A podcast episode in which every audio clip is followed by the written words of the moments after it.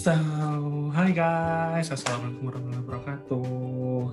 Selamat datang di episode pertama Poles Podcast Alumni ESQ BS. So this is ya benar ini adalah podcast pertama yang kita luncurkan sebagai Ikatan Alumni ESQ BS. Nah di episode pertama, nggak episode pertama sih, di episode selanjutnya kita juga pastinya nanti akan membahas suatu hal yang menarik dari para alumni-alumni ESQ Business School dan yang pastinya uh, kalian juga nantinya akan dengerinnya tuh enak dan seneng gitu. Oke. Nah di episode yang pertama kali ini, which is besok, uh, gue akan mendatangkan tamu, tamu gestar kita yang gak kalah apa ya, ya intinya semasa dia kuliah di ESQ Business School tuh kita bisa tahu lah orang ini tuh wow banget dua orang ini. Jadi ada dua gestar langsung di episode pertama, gila nggak tuh langsung dua loh. Nah, uh, mereka sama-sama memutuskan untuk lanjut studi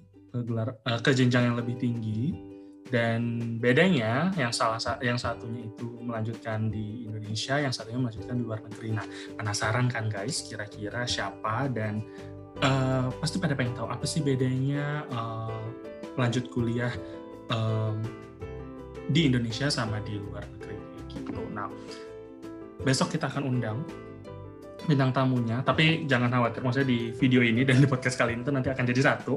Cuman karena tag-nya berbeda hari, jadi ya seperti itu. Maaf, maaf ada gangguan sedikit. Nah, oke, okay, jadi sesuai dengan judulnya, kayak uh, yang udah kita bisa tahu, penting gak sih untuk lanjut kuliah ke jenjang yang lebih tinggi setelah kita uh, melaksanakan pendidikan di jenjang S1 atau sarjana. Oke, okay, uh, eh, daripada lama untuk nunggu, kita langsung saja mengundang dua bintang tamunya. Oh ya, tapi sebelum mulai podcast ataupun video kita kali ini, gue mau ngasih disclaimer terlebih dahulu.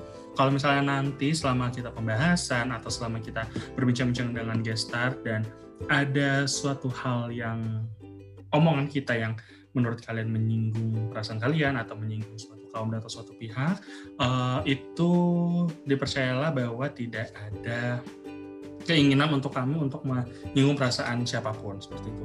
Pure di sini hanyalah kita berbagi pengalaman dan berbagi uh, cerita tanpa ada memojokkan atau menyinggung suatu kaum atau suatu pihak seperti itu. Oke, okay. uh, eh, tanpa berlama-lama lagi kita akan undang dua bintang tamu kita. Let's check it out.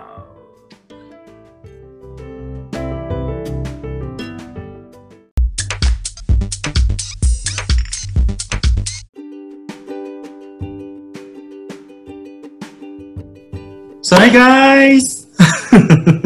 sore sore. So, eh. tadi seperti yang udah gue bilang di apa namanya? Eh, suara gue kedengeran nggak ya? Kedengeran, kedengeran, aman aman. Kedengeran kok. Jadi seperti yang gue udah bilang di awal bahwa uh, di episode pertama podcast kali ini itu kedatangan dua gestar alumni ESQ Business School dari dua jurusan berbeda juga ya, angkatan pertama pula waktu itu Uh, sini udah ada Andas dan juga Mariska. Uh. Okay. Mungkin untuk pertama apa ya? Uh, perkenalan dulu kali ya, perkenalan singkat. Uh, kalian angkatan berapa, jurusan, terus sekarang aktivitasnya apa? Dan sesuai dengan judulnya, bahwa judul kita itu adalah lanjut studi itu worth it ya. Nah sekarang perkenalan dulu deh boleh. Mungkin dari siapa kali ya? Ladies first kali ya, dari Mariska. Uh, perkenalkan, uh, nama saya Mariska. Um, saya dari angkatan pertama uh, YSQ Business School, jurusan Sistem Informasi. Uh, saat ini uh, aktivitas saya itu uh, bekerja di salah satu perusahaan uh, swasta. Oke. Okay. Oke, okay, thank you Mariska. Next, mungkin Bapak satu kita ini, sudah melalang buana. Okay, uh, eh, selamat pagi. Yeah. Eh sorry, pagi. siang ya. Udah siang ya. Enggak apa-apa kan biasa. Oh, enggak apa ESQ, ESQ kan. Pagi, Lalu pagi. Oke, okay, uh, eh, Assalamualaikum warahmatullahi wabarakatuh. Perkenalkan dulu. Nama saya Andas Mara Rizky Pranata, dipanggilnya Andas. Dulu angkatan pertama, ini kita bertiga angkatan pertama ya. Iya yeah, benar, kita bertiga uh, angkatan pertama. Iya, jurusan BM, uh, Business Management uh, kesibukan sekarang lagi di masih di bisnis travel sama kuliah uh, PhD uh, S3. Oh, wow, wow, wow, wow, wow. Kalau Maris, Halo. Mariska terakhir berarti S2 ya, lagi S2. Uh, sudah selesai S2. Oh, iya, wow. Congratulations. Gue baru nyadar. baru sudah Februari ya. Oke. Okay. Oh, sudah Februari tapi udah kelar ya? S2. Insya Allah, Insya Allah. Sebenarnya hmm. uh, sudah dinyatakan lulus dari bulan Agustus atau September gitu, tapi karena COVID wisudanya diundur. Oh. oh, I see, I see. Gue baru nyadar lo backgroundnya ini ada gelar lo. Ngapain sih pakai dikasih gelar segala? Gak apa-apa biar keren. bikin ini adalah Gilang. Thank you Gilang udah bikinin backgroundnya. Cuman next time, aduh, agak malu loh. gelar saya baru satu di saat yang lain nih dua bintang tamu kita udah gelar udah panjang. Apalah gelar nih? doakan semoga cepat menyusul. Oke, okay, next. Amin. Tadi kita juga udah perkenalan juga, jadi buat yang belum tahu, uh, di sini ada Mariska. Mariska itu angkatan pertama di jurusan BIS ya, Business Information System. Ya. Terus ada Andas juga, Andas dulu jurusan Business Management. Dan kalau for your information, Andas ini waktu S1 juga kuliah di dua kampus loh, gengs. Wah iya, dibahas oh. juga. Oke. Okay, okay. Jadi satunya dia ngambil hukum, satunya lagi mengambil manajemen gila keren emang bapak satu ini. Iya bapak yang satu ini. Terus mereka berdua memang sedang melanjutkan studi dari uh, kalau Ariska lanjut ke magister, kalau Andes uh, magister selesai sekarang lagi lanjut ke PhD-nya. Mungkin boleh kali ya kasih tahu uh, sedikit uh, kenapa sih motiva apa sih motivasinya dari kalian tuh mau lanjut untuk uh, studi ke jenjang yang lebih tinggi gitu mungkin masuk ke S2 terus Andas mungkin ke S2 dan S3-nya gitu. Mariska dulu lah, Mariska dulu lah. Ya, Mariska lagi deh. Oke, okay. mulai dari gue dulu ya. Mm-hmm. Uh, alasannya itu sebenarnya sih uh, pertama sih uh, dulu kan karena uh, dari S1 kan nggak langsung S2 juga kan, sempat mm-hmm. kayak um, apa ya? Kayak kosong dulu gitu. Cuman di dalam uh, jeda kosong itu uh, sambil mau kepikiran untuk lanjut itu kan memang sempat bekerja gitu. Hmm. Cuma uh, emang dasarnya anaknya bosanan sama rutinitas gitu. Jadi pas waktu kerja tuh kayak uh, mikir, aduh ini gue dari Senin sampai Jumat itu kerja gitu kan. Terus Sabtu Minggu uh, dengan apa sih? Uh, gue juga bukan orang yang apa ya nggak ekstrovert juga kali ya gitu. Jadi kayak Sabtu Minggu gue nih di rumah aja gitu kan sebenarnya kayak ada kepengen untuk ketemu orang gitu kan cuma ketemu mm -hmm. itu dalam artian bukan kayak nongkrong gitu gitu kayak mikir oh, oh oke okay, berarti gue harus punya kesibukan nih di Sabtu Minggu gue gitu kan cuma kepikiran Sabtu Minggu kesibukan yang sebenarnya tuh uh, bisa berjangka panjang gitu. Jadi nggak cuma di saat itu juga gitu. Terus kayak pikiran oh apa gue lanjut aja ya gitu. Cuma dulu opsinya itu milihnya tuh antara emang lanjut uh, apa S2 atau satu yang lagi kayak ya udahlah gue kursus-kursus online aja kali ya gitu. Cuma gue mikir kayak kursus online itu sebenarnya kan gue bisa sendiri gitu kan. Uh, maksudnya juga uh, dengan tersedia kursus online yang sekarang udah banyak banget gitu kenapa nggak yang emang uh, apa ya serius gitu ya udahlah jadi uh, lanjut untuk S2. Cuma dari S2 ini juga dulu sempat agak bingung mau masuk jurusan jurusan apa. Kebetulan kan S1 gue ini jurusan sistem informasi gitu kan. Cuma ya gue kalau mau ngambil S2 jurus yang selinier gitu masih agak maju mundur nih gitu. Soalnya juga nggak begitu suka teknis gitu kan. Oh ya udah karena kebetulan S1 ini juga kan ada berbau-bau manajemennya gitu kenapa nggak gue ambil aja nih gitu yang ada manajemennya cuma waktu itu sampai uh, cari-cari juga yang memang kampusnya itu ada loh buat manajemen untuk apa sih namanya spesifik ke sistem informasinya gitu dicari-cari ya udahlah ketemulah di kampus yang sekarang uh, untuk melanjutkan S2 kayak gitu. Harusnya di mana sih jurusan apa ambil jurusan apa? Ambil jurusan uh, magister manajemen untuk spesifiknya itu ngambil sistem informasi di Universitas Budi Luhur. Oh, ada ada spesifikasi sistem informasi ya? Maksudnya di magister manajemen itu memang ada spesifikasi sistem informasinya juga?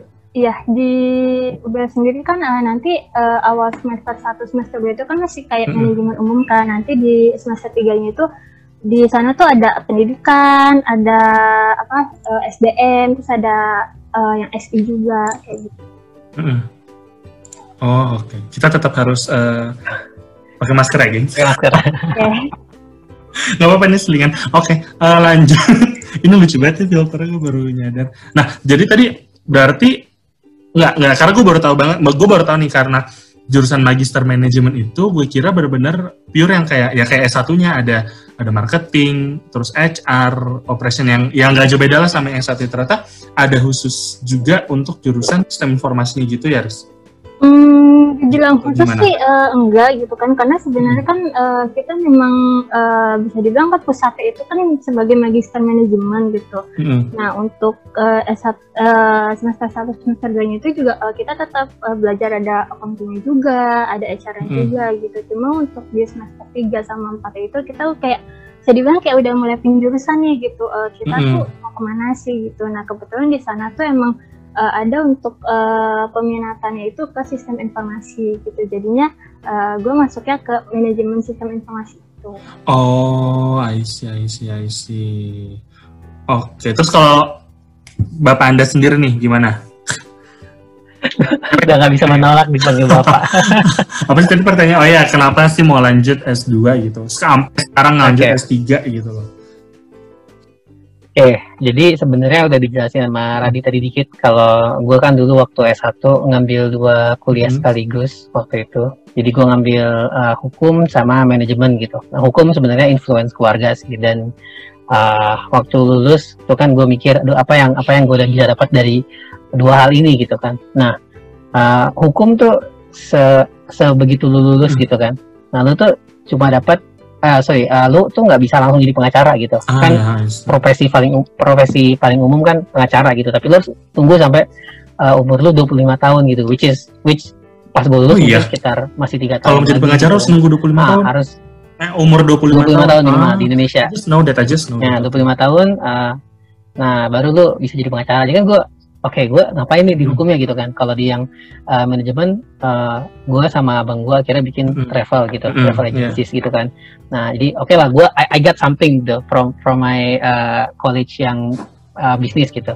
Terus gue mikir apa yang bisa gue dapetin dari hukum? Gitu. So, kalau gue kerja nih di hukum jadi kayak mungkin paralegal atau uh, sejenisnya gitu bisa aja gitu. Cuma kalau buat gue kurang worth it gitu. Kan lebih lebih worth it. Buat gue waktu itu gue uh, jalanin travel. Karena duitnya udah pasti lebih ada gitu. Dan gue lebih enjoy kerjaannya.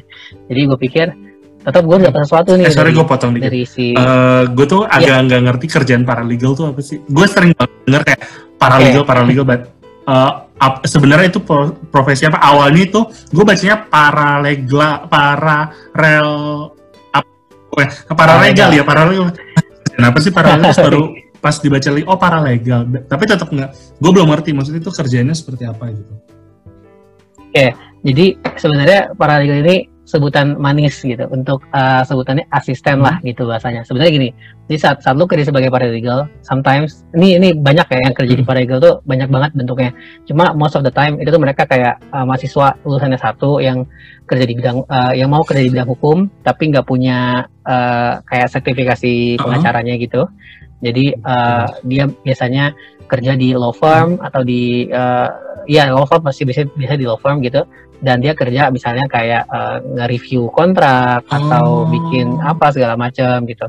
Atau uh, jadi mereka nggak bisa ke uh, apa ya beracara gitu. Kalau kita bahasa Indonesia di Indonesia nyebutnya beracara. Maksudnya pergi ke pengadilan -hmm. untuk membela klien itu nggak bisa. Nah nah tapi ada juga contoh para legal lain tuh yang di perusahaan. Jadi dia uh, ngurusin kayak izin-izinnya perusahaan, hmm. terus uh, aspek-aspek hukumnya, tapi dia nggak bisa uh, beracara gitu. Jadi dia nyebutnya dia di paralegal gitu. Kalau oh. dia memang biasa pengacara, emang dia sebutnya di bagian legal ya gitu. Bedanya di situ aja sebenarnya. Jadi kayak oh. uh, kalau gue mau jadi kemarin kerja di law firm itu, berarti gue uh, paralegal karena gue belum punya kartu pengacara. Kayak gitu biasanya sih gitu. Although ada kalau di Amerika nyebutnya mereka biasanya sorry Amerika dan luar negeri lain lah nyebutnya associate gitu. Oh. Kalau di Indonesia familiar juga, cuma sebenarnya bukan itu uh, sebutan apa ya firmnya gitu. Tapi ya masing masing-masing kantor lah itu. Mm -hmm. Kalau swasta itu masing-masing kantor lah. Oh, uh, oke. Okay. berarti intinya itu uh nah, jadi gue mikir uh, aduh udah deh gue mau dapat sesuatu nih dari yang hukum ini gitu dan dan gue enjoy belajar hukumnya gitu kalau hmm. bisnis uh, kebetulan gue enjoy untuk uh, doing it gitu. Tapi kalau uh, yang uh, law-nya gue uh, lebih apa ya ter uh, tertarik untuk ngelanjutin studinya gitu. Karena hmm. menurut gue kayak the depths gitu kedalaman dari hukum tuh sebenarnya dalam banget gitu. Dan yang yang sebenarnya trigger gue banget adalah uh, at some point di kantor hukumnya bokap gue tuh ada klien yang uh, dia kerja di uh, satu komunitas untuk teknologi baru banget yang blockchain gitu-gitu, blockchain, bitcoin dan sebagainya gitu. Dan uh, dia masih banyak banget kayak nggak ngerti ini bisa nggak sih dipraktekkan di Indonesia hukumnya kayak gimana sih? Nah itu yang gue pikir, aduh gue pengen pengen deh gue nge-research ini gitu secara akademis gitu. Jadi secara yang gue depth understandingnya tuh dalam gitu biar biar biar uh, gue bener-bener paham gitu nah akhirnya gue mikir itu oke okay, gue lanjut S2 deh ya gitu hmm. lanjut ke S3 uh, eh, sorry agak panjang dikit jadi lanjut ke S3 santai santai jadi uh, lanjut ke S3 nya gara-gara ternyata pas gue S2 gue rada enjoy uh, belajar oh, wow. dan mengajar okay. gitu jadi hmm. sebenarnya uh, most most of the reasons untuk gue lanjut ke S3 itu karena gue ngerasa gue pengen kerja juga di bidang akademik gitu hmm. at least jadi kayak oh. uh, dosen gitu atau lecturer kelas-kelas itulah gitu dan uh, jadi uh, kayak gue tetap bisnis gitu kan tapi gue tetap uh, ada di bidang hukumnya sebagai akademis nah itu makanya gue lanjut S3 gitu kalau S3 nya di mana S2 dan S3 gue di kampus yang sama, gue di luar negeri di Malaysia ya. Udah nyebrang doang ya, nyebrang nyebrang apa lautan doang satu di Malaysia nama kampusnya University of Malaya. My bad. it's okay, it's okay. Chance. Alright. Ah, terus gimana gimana? Ya, terus tadi uh, alasan lo mau lanjut S3 itu karena itu tadi you love to study, terus lo juga pengen uh, lo pengen menjadi seorang lecturer, jadi di satu sisi lo bisa berbisnis, di satu sisi di segi hukumnya lo bisa masuk ke bagian akademis. Terus apa lagi? Oh ya, uh, kampusnya sama di uh, S S2 dan S3 gue sama di mm -hmm. Malaya, University of Malaya, uh, dan that's it. Untuk S2, berarti dari S1 ke S2 tuh jurusan yang lo ambil sama, guys? Hukum, hukum. Oh S2, yeah. even S2 sama S3-nya juga ngambil hukum? Ya, S2, S3-nya hukum. Karena oh, uh, kalau bisnis bukannya gue nggak mau ngelanjutin, cuma kan hmm. biar gue fokus di travelnya dulu gitu. Nah, tapi hmm. uh, yang gue lanjutin untuk studinya yang gue bener-bener dalam hati gitu pengen, yaitu hmm. yang di hukum gitu. Oh itu bisa ya? Maksudnya lo ngambilnya di Malaysia tapi belajar hukum, belajarnya hukum gitu? Apa lo ya. international law?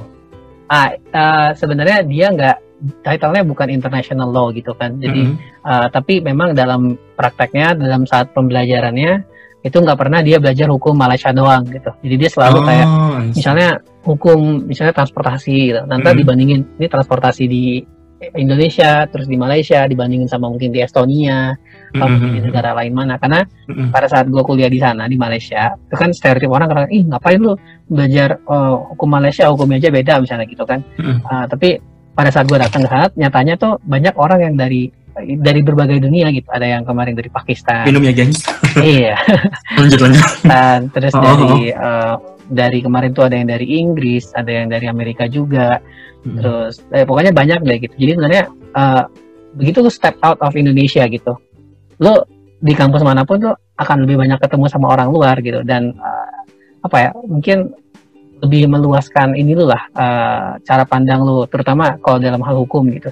Karena pada prinsipnya meskipun kita bilang sistem hukum beda apa segala macam prinsip hukumnya itu sebenarnya sama gitu. Kan selalu untuk uh, apa keadilan untuk bersama kan gitu. Jadi mm-hmm. agak nanti jadi lecture kalau misalnya kita kepanjangan yeah, soal hukumnya sih. Cuma eh, intinya itu. Jadi uh, that's that's why uh, going to somewhere outside of Indonesia is a good thing for me.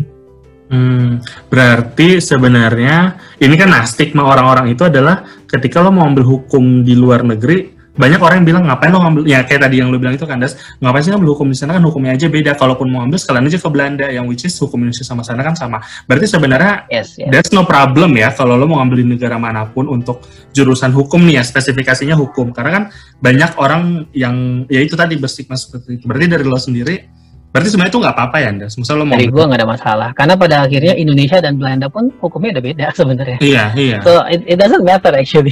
mm -mm. Oh, I see. Berarti untuk nanti pendengar tuh ya yang ah, siapa tahu misalnya ada jadi jurusan hukum dia mau ngambil S2 terus bingung kan siapa tahu udah dapat apa dapat pencerahan dari uh, Anda juga kalau sebenarnya itu bisa gitu loh nggak perlu ragu.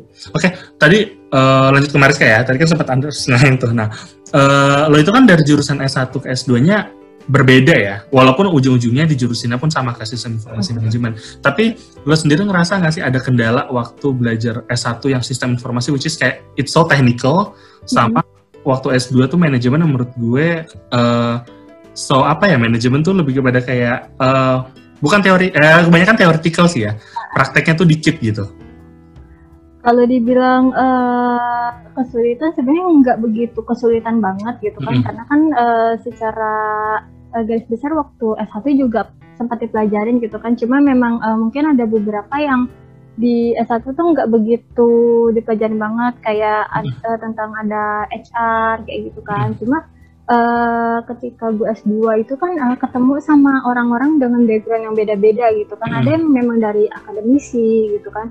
Uh, ada juga yang uh, memang dia uh, sebagai profesional gitu kan yang memang hmm. udah uh, bekerja di bidang tersebut gitu. Nah, pas ketika gue S2 ini tuh gue kayak dapat insight baru gitu kan. Terus gue bisa uh, diskusi sama um, uh, teman-teman gue ini gitu. Jadi yang itu kayak oh ternyata tuh uh, HR kayak gini loh gitu kan secara realnya gitu jadi ketika kayak uh, ketika dosen ngajarin pun juga memang kita bisa diskusi aktif gitu kan kan kalau kayak secara S1 kan kita kayak gimana ya kayak dosen cuma ngajarin terus kita kayak diem aja kan lebih kayak hmm. pasif banget gitu kan tapi kan kalau S2 mungkin uh, kebanyakan orang emang udah ada experience-nya gitu kan di bidang hmm. itu gitu jadi lebih aktif lagi gitu secara diskusi gitu sih jadi kalau untuk kesulitan sih nggak begitu kesulitan banget oh I see oke okay.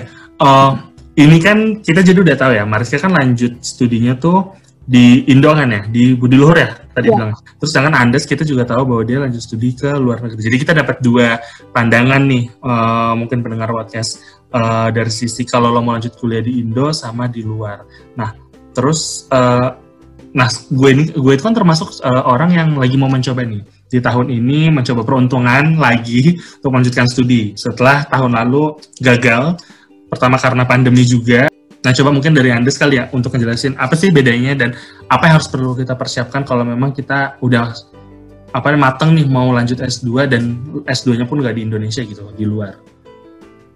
Uh, persiapan gitu ya, secara ininya ya ya boleh persiapan terus kira-kira uh, boleh nggak sih uh, apa uh, kita tuh cara belajarnya sama dengan apa yang kita apa, apa dengan cara kita waktu S1 gitu pertanyaan bagus karena gue nggak prepare sama sekali gitu waktu pertama kali mau keluar jadi emang uh, ya kan masih masih baru lulus ya jadi masih fresh banget uh, dan uh, kelihatan banget hmm. belum belum dewasa dan belum ada persiapannya gitu oke jadi basically yang pertama kali lu harus tahu hmm. adalah saat lu kuliah ke luar negeri itu tuh akan selalu ada uh, biasanya ada dua tipe apa ya apalagi kalau S2 S3 ya ada dua tipe pelajaran sorry hmm. dua tipe met, apa metode perkuliahannya lah gitu pertama coursework satu lagi research jadi kalau coursework ini sama kayak kita S1 kelas kelas kelas kelas kelas gitu nanti habis itu di ujungnya lu bikin tesis kalau uh, yang research, lu berarti nggak ada kelas. Biasanya selain satu kelas yaitu metodologi risetnya. Biar lu tahu cara riset kan bahasanya gitu. Nah, habis itu udah lu riset yeah. doang, nggak ada kelas selama dua tahun atau lebih. Nah, nanti uh, selama lu waktu riset ini, nanti uh, lu akan uh, harus kayak ngerbitin artikel atau ngerbitin jurnal gitu. Nah itu dulu yang harus diketahui. Kenapa? Karena pada saat keluar gitu, pada saat kita mau daftar uh, daftar kuliah di luar itu akan membedakan banget persiapan kita gitu. Kalau misalnya kayak gue yang nggak mau terlalu lama di luar, alias gue kayak kalau bisa cepet kelar, gue balik cepet balik gitu, atau gue cepet cari kerjaan di sana atau gimana gitu. Nah, gue ngambil coursework karena uh, relatifnya coursework lebih cepat daripada lu ngambil riset kayak gitu. Nah, kalau lu mau oh, mau riset lebih dalam, gue bener-bener mau full gue riset doang nah tuh lo ambil riset nah lo mungkin bisa ngabisin sekitar tiga atau empat tahun di uh, sana gitu karena persyaratannya tuh selain lo harus uh, riset lo juga harus nge-submit artikel ke jurnal ternama yang which itu bisa makan setengah tahun atau setahun untuk sampai dipublish. Jadi itu bakal makan waktu yang lama. So you know you have to know first lu ngambil apa sih di luar gitu. Dan lu lu lu cara belajarnya mau kayak gimana gitu. Nah saat lu ngambil coursework sebenarnya nggak ada masalah dengan menurunkan cara belajar lu saat di di uh, di dalam negeri gitu saat kita kuliah di S1 gitu nggak ada masalah. Cuma uh, kalau lu udah step keluar gitu, lu harus siap untuk membandingkan dengan banyak negara. Jadi saat misalnya lu buat riset atau lu buat uh, artikel atau lu ngerjain soal, make sure untuk kayak lu discuss uh, sesuatu yang di luar dari apa yang lu kerjain gitu. Dan lu harus always open minded hmm. to the possibilities of any countries atau organisasi mana pun yang menerapkan hukum atau misalnya dalam hal lain ya praktik bisnis atau apa lain itu di luar dari yang lu tahu gitu karena sebanyak itu negara di dunia ini dan sebanyak itu uh, apa ya apa yang bisa lu cari di uh, pas lu kuliah gitu. Nah kedua, eh sorry ketiga, lah, lu harus tahu lu mau dapat apa sih di di luar gitu. Itu dulu persiapan yang paling penting ya. Kenapa? Karena misalnya kayak gue, gue mau tahu, pokoknya gue mau riset soal blockchain. Nah gue mau gue ngeluarin misalnya uh, disertasi itu kan yang lengkap. Nah itu dari situ baru kita bisa tahu cara belajarnya kayak gimana gitu. Nah, yang paling penting nomor empat, saat lu keluar negeri dan lu mau ngerjain tesis atau uh, lu ngambil riset kan berarti harus cari dosen pembimbing. Nah, lu pastiin pilih dosen pembimbingnya itu yang bagus. Kenapa? Karena kalau dosen pembimbingnya tidak bagus, nah hasil riset lu juga jelek. Dan dua dan di mata luar negeri, satu lanjut S2 S3, berarti to a certain extent gitu, lu akan lanjut di bidang akademik meskipun nggak full tapi kapabilitas lu sebagai orang akademik tuh akan dilihat dari hasil karya ilmiah lu gitu jadi uh, uh, harus benar-benar uh, paham cari mentor uh, terus banyak konsultasi sama orang-orang yang uh, udah kuliah di luar juga gitu kan. Nah terus saran gue terakhir yang paling penting cari orang Indonesia di kampusnya. Ada kadang orang-orang yang kayak oke okay, gue mau kuliah di luar gue nggak mau nih uh, kerja sama atau ketemu sama orang Indonesia orang Indonesia lagi gitu. Gue mau cari yang lain. Tapi sebenarnya pada saat lu punya punya temen gitu yang sama-sama orang Indonesia lu bisa saling ngebantu. Karena biasanya kan uh, kita di luar terus uh, kita nggak tahu whatever happens gitu kan. Alhamdulillah gue selama di sana nggak ada mm-hmm. masalah gitu kan. Cuma kalau gue ada masalah terus gue nggak ada kenalan orang Indonesia gitu terus kalau gue ada apa-apa nggak ada yang bisa ngasih tahu gitu kan. Jadi uh, ya maksud gue carilah gitu teman-teman yang sebangsa dan senegara supaya nanti pada saat nanti kita di sana kita nggak bingung-bingung banget gitu bisa nanya ke mereka. Karena kadang nih kalau kampus-kampus luar itu mereka ngasih pengumuman nih lewat jalur atau kanalnya mereka gitu kan. Tapi kadang kita kelewatan jadi kalau nggak diingetin sama teman kadang tuh suka lupa misalnya waktu registrasi waktu apa segala macam tuh tuh ini ini kesannya konyol dan dan sebenarnya uh, simple gitu tapi krusial banget gitu jadi kalau lu lewat kelar gitu nah intinya adalah make sure persiapan lu matang. Kalau buat gua itu yang paling penting dulu. Jadi uh, apa ya? Pada saat nanti lu nyampe gitu, lu nggak clueless, nggak, lu nggak tahu mau ngambil apa, lu nggak tahu mau daftar di mana. Nah itu jangan sampai kayak gitu. Kalau dari gua itu sih yang paling penting. Ah, I see. Oke. Okay. Terus uh, tadi apa sih pertanyaan? Nah, nah tadi kan kita udah tahu nih. Eh, suara gue sudah jelas nggak sih? Jelas kan? Nah, tadi kan itu adalah tantangan kalau misalnya uh, atau yang perlu persiapin dan bedanya kuliah yang uh, kuliah di Indonesia sama di luar negeri kayak gitu kan. Karena kan banyak banget orang-orang tuh yang gue dengar nih ya, uh, mereka tuh pengen keluar negeri karena ya itu luar negeri gitu loh. Mereka nggak tahu apa yang harus disiapin, mereka nggak tahu apa yang harus di apa namanya di yang diperhatiin seperti itu kayak yang penting gue keluar luar negeri terus kasarnya gengsinya lah gitu loh. When you go abroad kayak ya ya udah gue lulusan luar negeri gitu tanpa tahu. Karena gue tahu beberapa orang temen gue yang keluar luar negeri itu how struggle he or she was kayak gitu loh. Seberapa beratnya mereka menjalani pendidikan sana. Karena ya berbeda sama pendidikan yang ada di Indonesia sama uh, di luar gitu. Nah dari sini kan kita udah tahu nih bahwa sebenarnya kuliah di luar tuh nggak semudah itu tapi tidak seribet itu juga gitu loh. Malah menurut gue itu akan lebih lebih ini ya, lebih kalau yang gue dengar ya agak lebih mudah ya kayak udah ter udah terprediksi dari awal lo mau ambil apa lo mau ambil apa kayak tadi coursework atau riset. Nah, terus nah coba kita dengar dari Mariska nih kalau misalnya masih sama-sama di Indo nih, apalagi kan manajemen nih. Apa sih bedanya yang lo rasain? Ya kalau dari S1 ke S2 pasti beda ya. Cuman uh, sama gak nih sama apa yang tadi Anda jelasin gitu? Uh, Oke. Okay Kalau yang dijelasin Anes mungkin uh, beda ya, uh, sepengalaman gue yang udah gue uh, jalanin gitu. Uh, kebetulan juga S2 gue kan bisa dibilang kayak kelas karyawan mungkin ya, karena kan oh, di, iya, weekend, iya. di weekend gitu kan. Karena di weekend ini kan uh, berarti itu kayak apa ya dari Senin sampai Jumat kan mungkin orang-orang orang-orang ngelakuin rutinitas yang mungkin dia bekerja hmm. gitu kan Nah, cuma uh, memang uh, pastiin uh, bisa dibilang gini sih kalau menurut gue. Uh, pastiin lu pas ketika mau S2 lu tuh harus tahu tujuan lu apa gitu kan. Kebanyakan uh, mungkin gue kenal sama satu dua orang uh, temen gue juga yang di S2 alasan di S2 tuh yang nggak bisa dibilang salah juga sih gitu kan uh, karena dia kayak S1 lulus dia masih bingung dia mau ngapain oh uh, dia juga dibilang uh, pengen bekerja tapi dia belum mau bekerja gitu kan. Mm. terus tiba-tiba dia apply nih gitu kan S2 ketika udah S2 lulus dia juga masih bingung gitu kan. Nah uh, jangan sampai tuh yang mau yang mau lanjut ke S2 tuh dia nggak tahu gitu. Dia tuh pengen ngapain sih gitu. Atau uh, lanjut S2 karena uh, abis lulus S1 dia belum dapat kerja gitu kan. Itu kayak menurut gue ya gimana ya? Kayak kurang apa ya kurang prepare aja gitu kan buat ke S2 kalau buat kalau cuma kayak gitu. Nah berhubung uh, S2 gue ini di weekend yang mana itu bisa dibilang kayak kelas karyawan gitu uh, yang otomatis tuh uh, bisa dibilang selama perkuliahan itu uh, full gitu loh. Jadi uh, fullnya itu dalam artian tuh memang kayak biasa sih kayak di S1 gitu kan kayak uh, ada dosen ngajar ke kita gitu. Cuma uh, yang bikin beda adalah ketika di dalam perkuliahan di dalam perkuliahan sendiri itu kita lebih banyak diskusi gitu.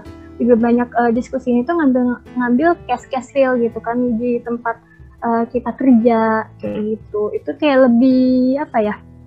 Uh, lebih real gitu kan ketimbang kayak uh, lo baca buku nih, oh baca buku study case-nya sesuai di buku gitu kan, tapi kenyataannya tuh beda-beda kayak gitu kan. Nah, uh, seperti itu sih. Cuma kalau misalnya uh, kalau tadi kan uh, Anda ada coursework gitu kan. Kalau di kita tuh kayak mungkin masih umum ya. Uh, maksudnya masih umum tuh masih sama kayak uh, S1 gitu. Jadi kayak belum ada pemilihan dia lebih banyak ke mana gitu kan. Kalau misalnya tesis ya pasti tesis gitu kan. Cuma kalau yeah. secara perjalanannya sendiri masih sama gitu kan kayak uh, belajar kayak biasa terus ada diskusinya gitu. Cuma uh, memang ada uh, untuk penerbitan artikel-artikel gitu kan. Nah cuma ini juga uh, tergantung lagi nih gitu kan. Maksudnya tergantung lagi dari kampus lo itu mewajibkan atau enggak. Maksudnya mewajibkan tuh gini uh, kayak di kampus gue di kampus gue sekarang itu walaupun kita satu kampus tapi antar jurusan pun beda. Ada yang dia mewajibkan penerbitan uh, artikel ilmiah itu untuk syarat lulus gitu. Uh, ada yang uh, itu pun uh, syarat lulusnya pun juga kayak uh, harus kayak um, apa ya terindeks kayak gitu. Cuma kalau misalnya uh, ada di jurusan lain itu tuh kayak opsi gitu. Maksudnya belum belum dijadikan aturan baku gitu. Itu sih kalau yang secara gue alamin sekarang. Ah I see. Oh gue baru tau lagi nih kalau Mariska berarti ngambilnya kelas karyawan ya selama S2 kemarin yang Kayaknya sih sepengetahuan gue dua di tempat gue memang adanya sih di weekend sih gitu. Oh, I see. Nah, berarti ini dua hal yang berbeda lagi nih ya. Hmm. Pasti tantangannya pun berbeda. Nah, kayak yeah. kan ngambil kelas karyawan, walaupun sama-sama S2, Uh, dan berbeda negara juga, tapi pasti tantangannya masing-masing ada nih. Mungkin kalau Mariska walaupun di Indo bisa pulang ke rumah, tapi tantangannya sambil kerja kan? Iya. Terus kalau misalnya Anda uh, mungkin nggak sambil kerja, mungkin full time untuk di S2, tapi jauh nih dari rumah. Ada nggak sih uh, kalian ngerasa kayak capek atau ngerasa kayak kenapa sih gue ngambil ini gitu loh?